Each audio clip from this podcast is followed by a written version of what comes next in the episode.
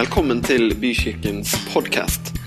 For mer informasjon om oss cvvvbykirken.no.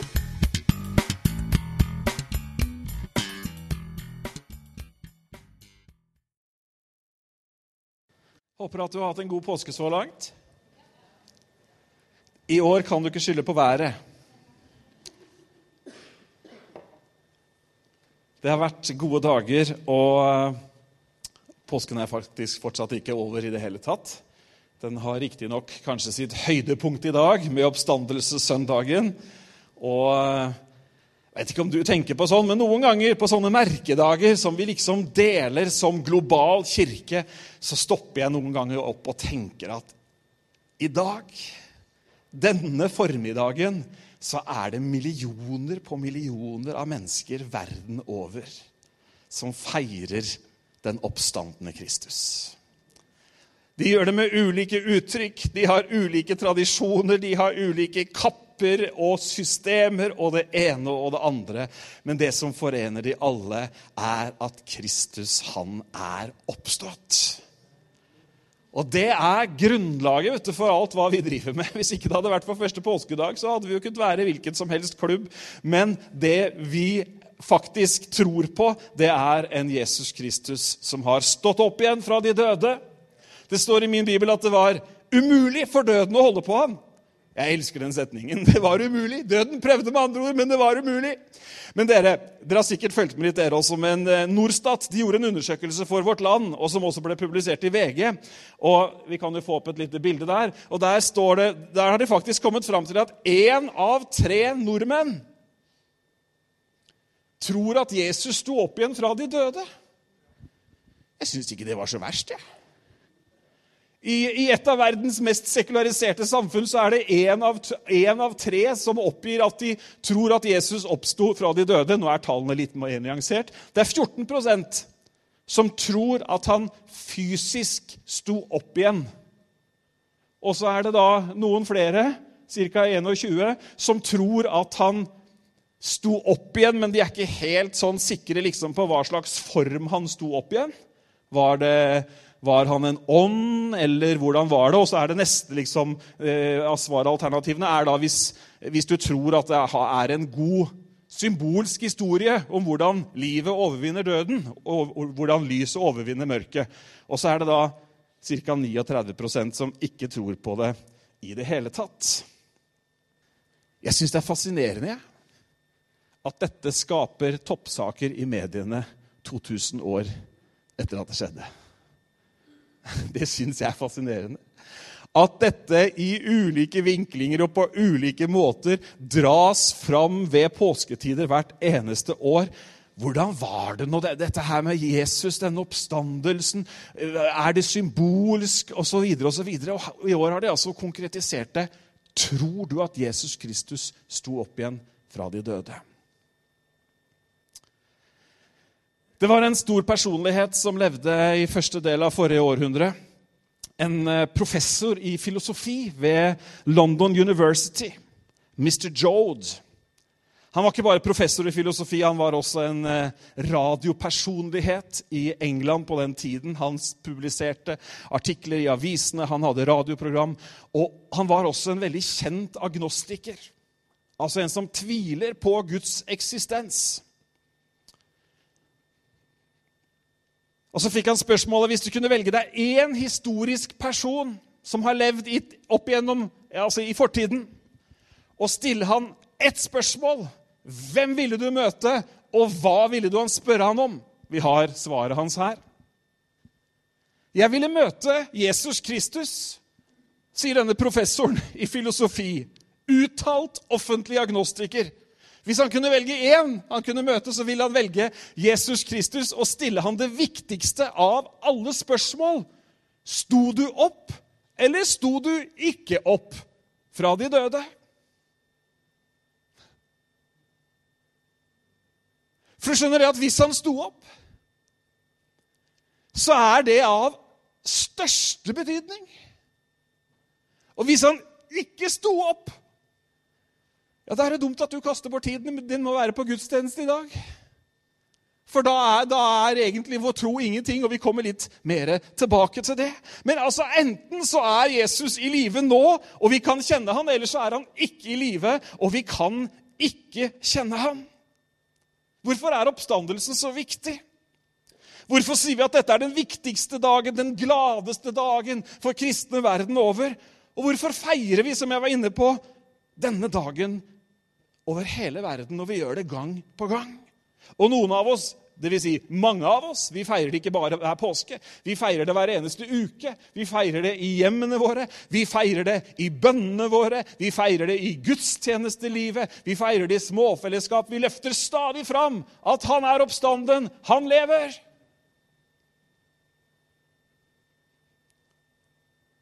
Det er nemlig sånn at oppstandelsen og kraften i den har forvandla liv og forvandler fortsatt liv over hele verden. For denne troen så lider våre trossøsken verden over daglig. Forfølgelsen er sterk.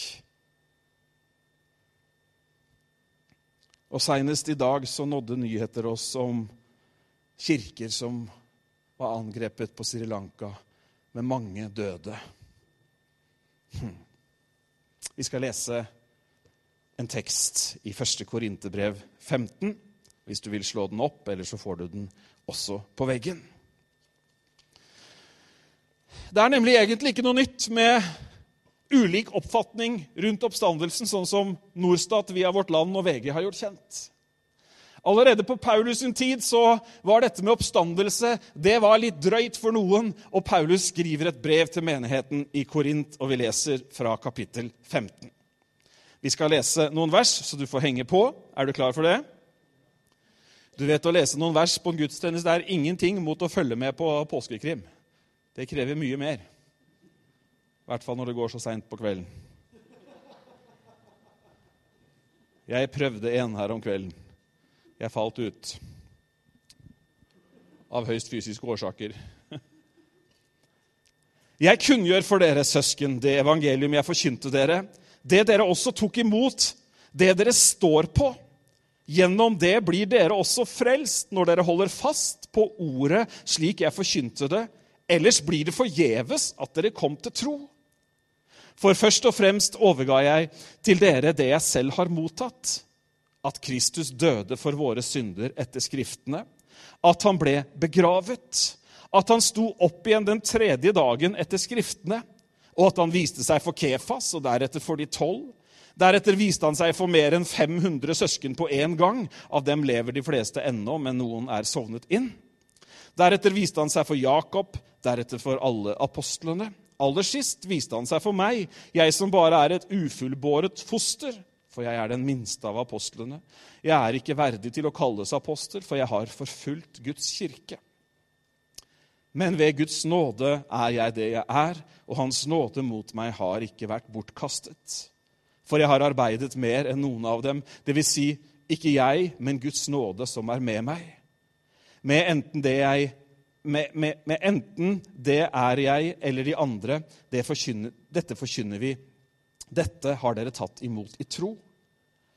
Men når det blir forkynt at Kristus er stått opp fra de døde, hvordan kan noen blant dere da si at ikke det finnes noen oppstandelse fra de døde? For hvis de døde ikke står opp, er heller ikke Kristus stått opp. Men er ikke Kristus stått opp, da er vårt budskap tomt, og deres tro er også tom. Da står vi som falske vitner om Gud. For da har vi vitnet mot Gud når vi sier at han har oppreist Kristus, noe han ikke har gjort, hvis døde ikke står opp. For hvis døde ikke står opp, er jo heller ikke Kristus stått opp. Men hvis Kristus ikke er stått opp, da er deres tro uten mening, og dere er fremdeles i deres synder. Da er også de, for, for, er også de fortapt som har sovnet inn i Kristus. Hvis, vi, hvis, hvis vårt håp til Kristus gjelder bare for dette livet, er vi de ynkeligste av alle mennesker. Men nå er jo Kristus stått opp fra de døde, som førstegrøden av dem som er sovnet inn. Fordi døden kom ved ett menneske, er også de dødes oppstandelse kommet ved ett menneske. For slik alle dør på grunn av Adam, skal alle få liv ved Kristus. Paulus må skrive et brev til menigheten i Korint og, og, rydde opp litt i forståelsen, for også der så var det noen som begynte å si nei, altså det er, det er greit, han levde. Det er fint, han gjorde mye. Vi husker også noen historier om overnaturlige inngrepener, om helbredelser, om blinde som fikk syn igjen, og lamme som gikk, osv. Men oppstått fra de døde Hallo, det går ikke. Og så drar Paulus det over til oss.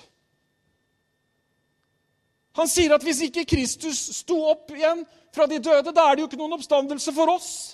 Hvis ikke han sto opp igjen fra de døde, da har han jo ikke vunnet over synden. Ergo finnes det ikke noen tilgivelse for synd ved tro på han. Er du med på tanken? Han drar det helt inn til kjernen i den kristne tro. og Derfor skal jeg preke litt om oppstandelse i dag. fordi at oppstandelse er nemlig kjernen i den kristne tro. Du vet, Når vårt land publiserer noe, så må det alltid være en biskop som kommenterer det som blir publisert. Det har det funnet ut. Nå er det eh, varierende, det som biskopene sier, men her er det en biskop som har skjønt det. Denne undersøkelsen som jeg var inne på i stad, den blir kommentert av en biskop. Hun heter Ann Helen Fjelstad Justnes, biskop i Sør-Hologaland. Hun sier at eh, dette er jo et tegn på at det er mange som fortsatt tror på oppstandelsen. Og så sier hun vi som kirke må fortsette å snakke om oppstandelsen på en måte som gjør den relevant for folk. Ja, veldig bra. Vi må snakke om oppstandelsen på en måte som gjør det relevant for folk. Ja, men Kan vi snakke om noe så overnaturlig som en oppstandelse fra de døde og gjøre det relevant for folk? Ja, det er det vi prøver på denne formiddagen her. Hun sier videre jeg tror det er veldig mange i dette landet som tror at det finnes et liv etter dette, og det håpet Noen som har håpet her? Det håpet henger sammen med troen på Jesu oppstandelse, sier biskopen. Gud velsigne sånne biskoper som det. Som tror at vi må gjøre oppstandelsen relevant. Hva, du, hva, hva sier oppstandelsen oss? For det første så sier oppstandelsen oss, og nå skal du få tre korte punkter med et bibelvers på hver. Du kan få lov å slå det opp, men eh, ja, du får det vel kanskje på veggen nå hvis jeg kjenner David rett. For det første så bekrefter oppstandelsen at Jesus er Guds sønn. Ser dere hva Skriften sier? Det er evangeliet om Hans sønn Jesus Kristus, vår Herre, kommet som menneske av Davids ett, ved Hellighets ånd stadfestet som Guds mektige sønn. På hvilken måte? Ved oppstandelsen fra de døde. Så for det første, altså Oppstandelsen det er med på å bekrefte at han er Guds sønn, han som du og jeg tror på. Og det andre er at oppstandelsen gir tilgivelse. Deilig ord tilgivelse. Oppstandelsen gir tilgivelse og frelse for alle som tror. Romerne 4 sier følgende. Men, men, Skriften sier ikke dette bare for hans skyld. Nå har det akkurat vært en hel utlegning om Abraham, som ble regna som rettferdig fordi han trodde Gud, osv. ikke sant? Og så står det Men Skriften sier ikke dette bare for hans skyld, altså Abrahams skyld. Det gjelder også oss. Vi skal bli regnet som rettferdige når vi tror på Han som reiste Jesus, vår Herre, opp fra de døde. Han som ble overgitt til døden for våre synder og oppreist for at vi skulle bli rettferdige. Skjønner du hvor viktig oppstandelsen er? For at vi skulle bli rettferdige.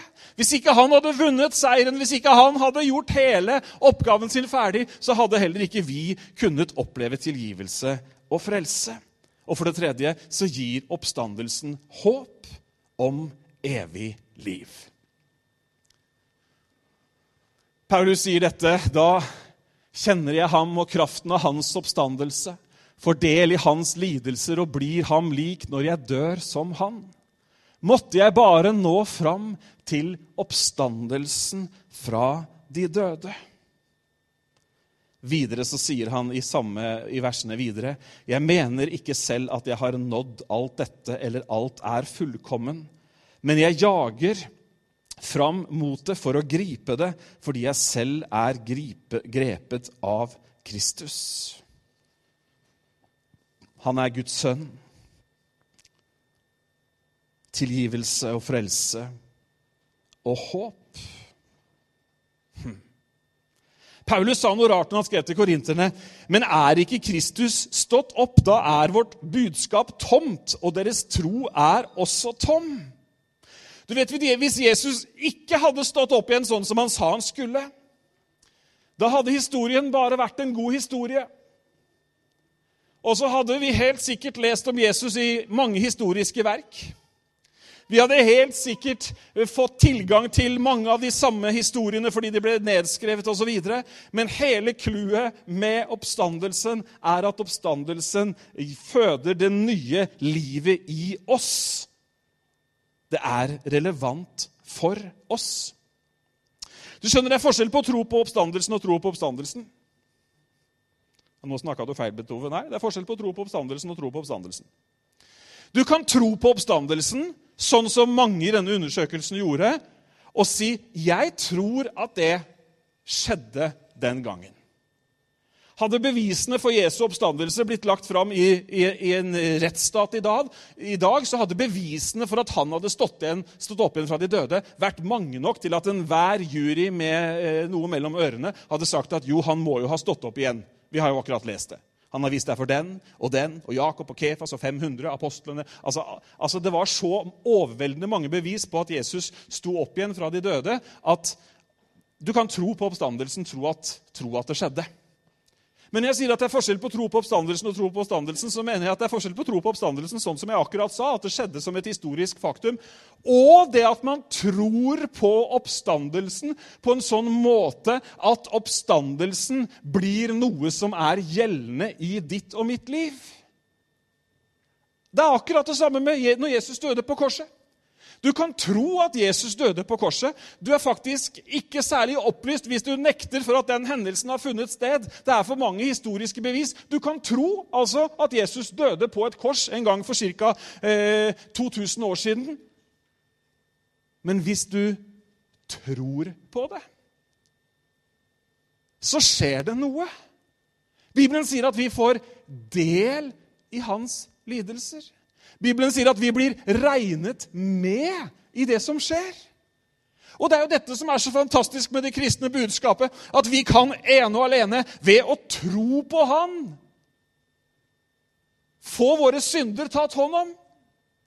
Og er vi, Den er vi veldig med på, de aller fleste av oss. Den er kristenheten i storhet absolutt med på. Det er liksom en av grunntankene i den kristne tro, enten du har den ene eller den andre etiketten. Jo, Jesus Kristus døde en stedfortredende død. Han døde. Det var mine synder og dine synder han tok på seg, og det blir gjeldende ved at vi tror på det han gjorde. Ok? Vi er med på den?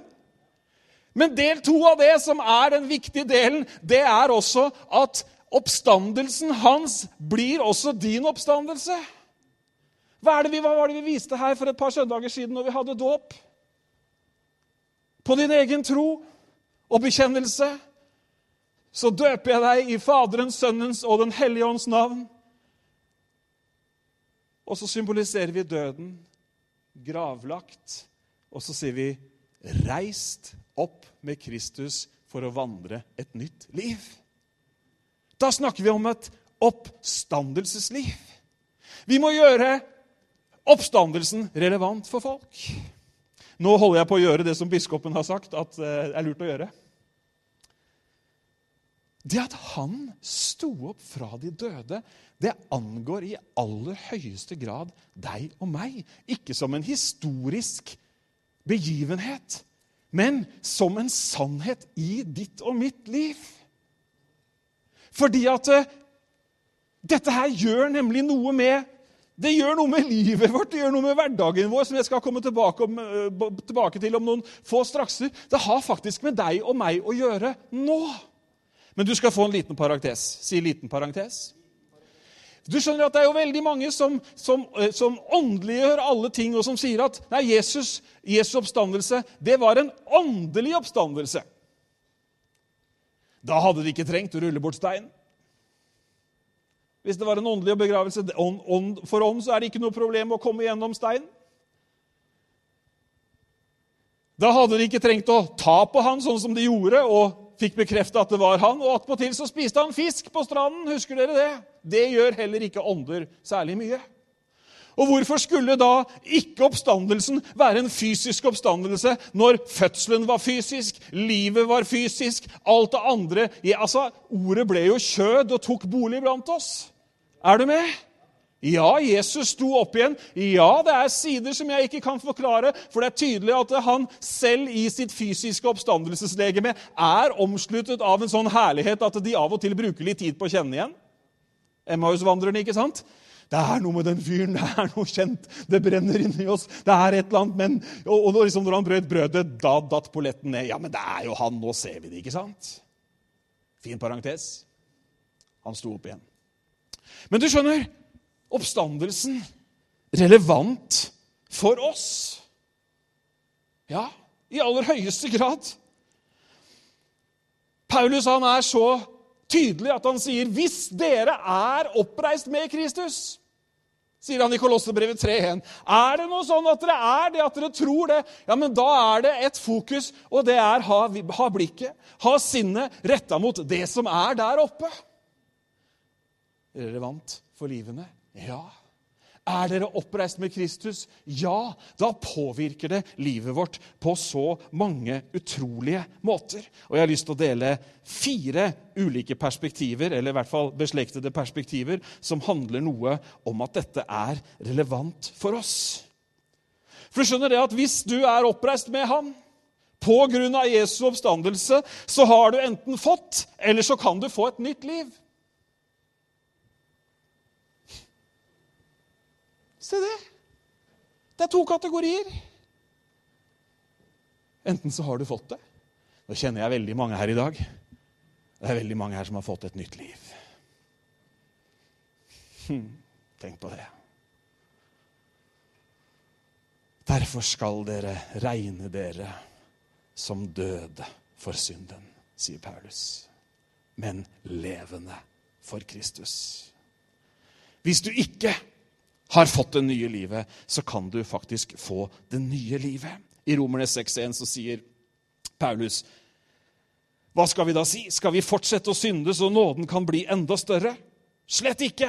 Hvordan kan vi som døde bort fra synden, fremdeles leve i den? Eller vet dere ikke at alle vi som ble dette har jeg jo egentlig allerede sagt da, men alle dere, alle vi som ble døpt til Kristus, ble døpt til hans død? Vi ble begravet med ham da vi ble døpt med denne dåpen til døden. Og som Kristus ble reist opp fra de døde ved sin fars herlighet, skal også vi vandre i et nytt liv. Dette er rått, dere! Har vi vokst sammen med Kristus i en død som er lik hans død, skal vi være ett med han i en oppstandelse som er lik hans. Du vet, Jeg trenger ikke å legge noe til. Ja, Paulus han er, en, han er en god pedagog. han. Her skal du høre hva han sier videre. Nei. Ja. Vi vet at vårt gamle menneske ble korsfestet med han for at den kroppen som er underlagt synden, skulle tilintetgjøres, og vi ikke lenger skulle være slaver under synden. For den som er død, er befridd fra synden. Er vi døde med Kristus, tror vi at vi også skal leve med ham. Vi vet jo at når Kristus ble oppreist fra de døde, så dør han ikke mer. Døden har ikke lenger makt over han. For, den, for døden han døde, den døde han for synden en gang for alle, men livet han lever, det lever han for Gud. Du har fått, eller kan få, et nytt liv. Noe annet som du har fått eller kan få, er at du kan få en ny holdning til livet. Hvis vi tar Paulus på ordet, og hvis vi tar troen på alvor, så møter vi livet annerledes fordi vi er begravet med han og oppreist med han. Hvorfor? Jo, fordi at vi er ikke lenger som de menneskene vi var. Hvordan var de vi menneskene som var? Jo, vi er tilbøyelige til den ene og den andre svakheten. Vi er tilbøyelige til det ene og det andre av moralsk forfall. Vi, vi, altså vi, vi holder ikke standarden på noen måte, men vi kan faktisk leve det nye livet med oppstandelseskraft. Altså, Sorry hvis du syns jeg drar det langt, men det er ikke jeg som drar det langt. Det er Bibelen som drar det langt. Bibelen sier at den samme kraften som vakte Jesus Kristus opp fra de døde, den skal gi dere styrke! Unnskyld meg! Det er ikke jeg som prøver å lage evangelium pluss, pluss, pluss. Jeg bare drar fram noen tekster fra Bibelen og sier at Bibelen sier at det finnes et kraft, et oppstandelsesliv fra Kristus. Og Da sier jeg at da er det relevant for deg og meg å tro på den oppstandelsen. Og, si, og regne seg faktisk med i oppstandelsen, akkurat som vi regner oss med i begravelsen. Tusen takk, kjære biskop relevant for folk flest. Dette er relevant for folk flest. Dette er relevant for deg og meg. fordi at hvis jeg har en ny holdning til livet, så er det sånn at når jeg møter synden, da, for å kalle det det, fristelsene, det onde, alt det jeg egentlig ikke vil eller skal gjøre, så finnes det en kraft som gjør at jeg kan overvinne det. Blei det relevant nå? Ja, det finnes en styrke som gjør at vi kan møte ting. Derfor står det at 'Men Gud være takk som alltid leder oss fram i seierstog ved Kristus'. Hva tror du det dreier seg om? Det dreier seg om hans død og oppstandelse. Det er den kraften som kan lede oss fra seier til seier. Ja, utfordringer imellom, men Gud være takk, vi vinner seier i alle ting. Ja Kjente at jeg i hvert fall ble begeistra.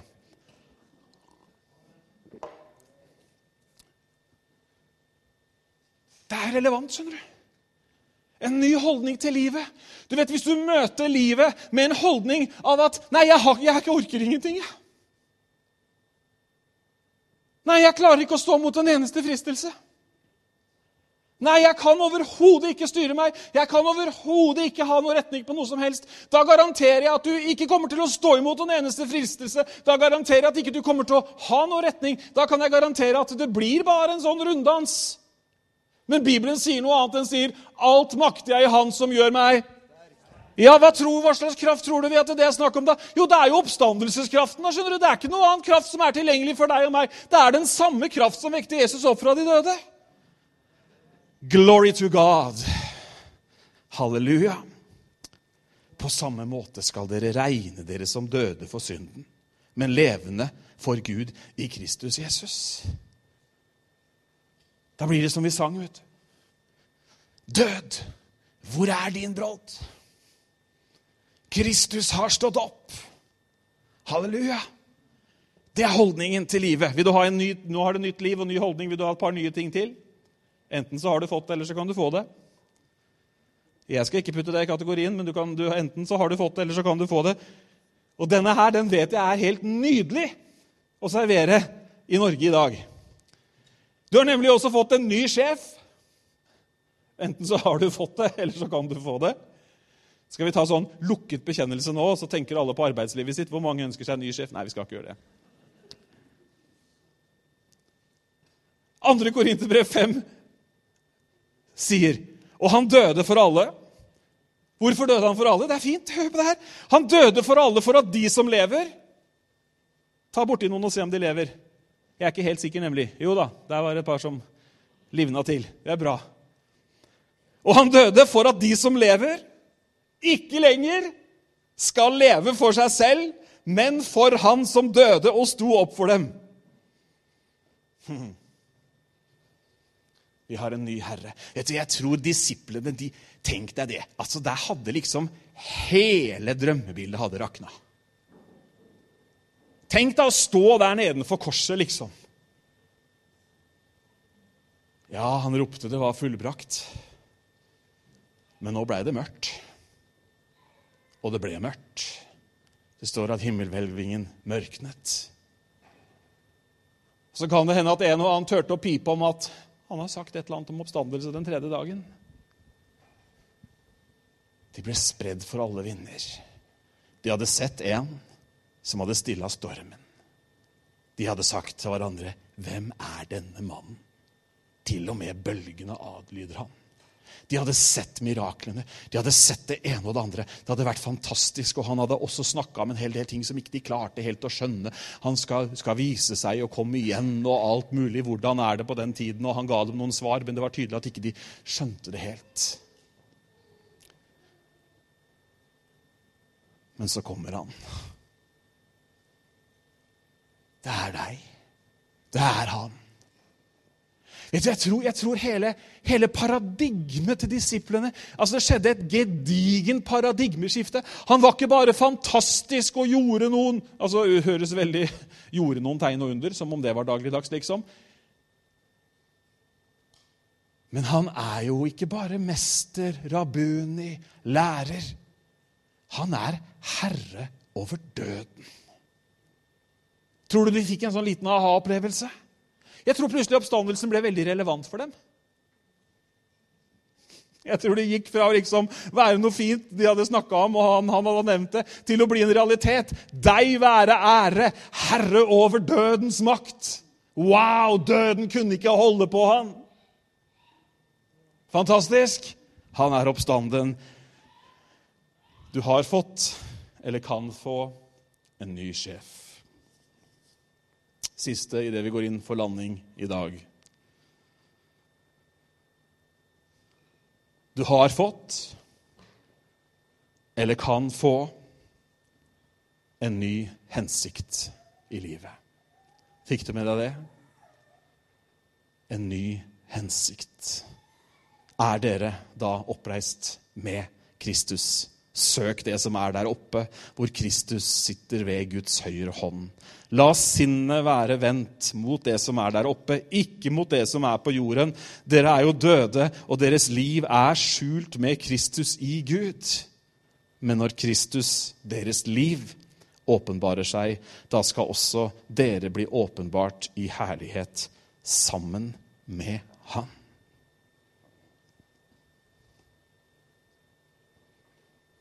Enten så har du fått det, eller så kan du få det. Oppstandelsen er i høyeste grad relevant for deg og meg, og så er den i høyeste grad relevant for alle menneskene rundt oss. Jeg tror ikke du trenger lang betenkningstid for å tenke på noen som trenger nytt liv. Jeg tror ikke du trenger å bruke lange, mange lange sekunder heller på å finne ut noen som kunne trenge en helt ny holdning i livet, en ny sjef i livet, og ikke minst få en helt ny hensikt. Professoren i filosofi, Mr. Jode, han begynte undersøkelse han begynte å undersøke oppstandelsen.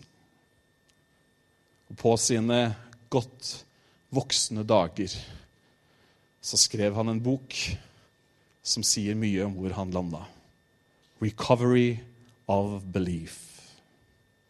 Denne erklærte agnostikeren, denne som alle visste hvem var, denne som hadde ønsket å finne ut Sto du opp, eller sto du ikke opp? For hvis du sto opp, så utgjør det den store forskjellen. Han kom til tro på at Jesus har stått opp igjen og gikk inn i evigheten i et nytt oppstandelsesliv. Fantastisk. Kan ikke dere komme og lede oss i lovsang, og så skal vi be sammen?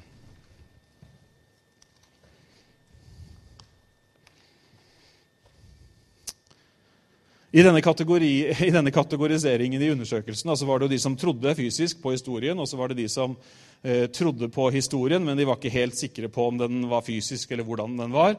Og så var det de som eh, trodde at det var en god symbolsk historie på hvordan døden kan eh, overvinnes av livet. Og så var det de som ikke trodde i det hele tatt på noe av dette. De var, det var 39% Nå kan man jo alltid leke med tall. Men det betyr jo da at 61% av de menneskene som omgir oss, de er et eller annet sted i forhold til oppstandelsen. De lurer. De undrer. De kjøper kanskje symbolikken. Men jeg tror at Gud har forberedt hjertene deres mye mer enn det vi aner. Og jeg tror at når du og jeg lar oppstandelseslivet få prege livene våre, så skal vi se at første påskedag neste år og årene etter, så skal det være flere som feirer påske sammen med oss. Amen.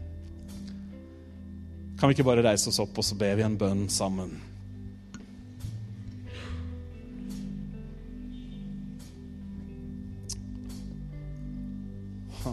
Vi takker deg, Herre, for at du er oppstanden. Vi takker deg for at du vant en evig seier over all død, over alt mørke. Og far, vi vender vårt ansikt, vi vender vårt sinn, vi vender vårt hjerte mot deg.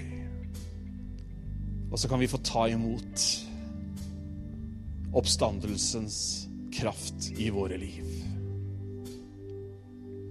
Herre, jeg ber akkurat nå om at den samme kraften som vekte deg opp fra de døde, skal gi styrke til de som er syke, i ditt navn, Herre. Vi ber akkurat nå, Herre, om de som kjenner at de har ulike smerter og symptomer. Du har sagt i ditt ord at den samme kraft som vakte Jesus opp fra de døde, i hast skal gi ny styrke. Vi tror på oppstandelsen. Vi tror på seier over død og mørke. Vi tror på håpet om det evige liv. Vi tror at det finnes en Gud som har alle ting i sin hånd, og vi tror at hans talte ord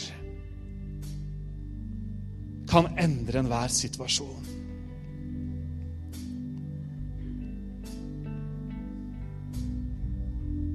Takk, far, for oppstandelseskraft.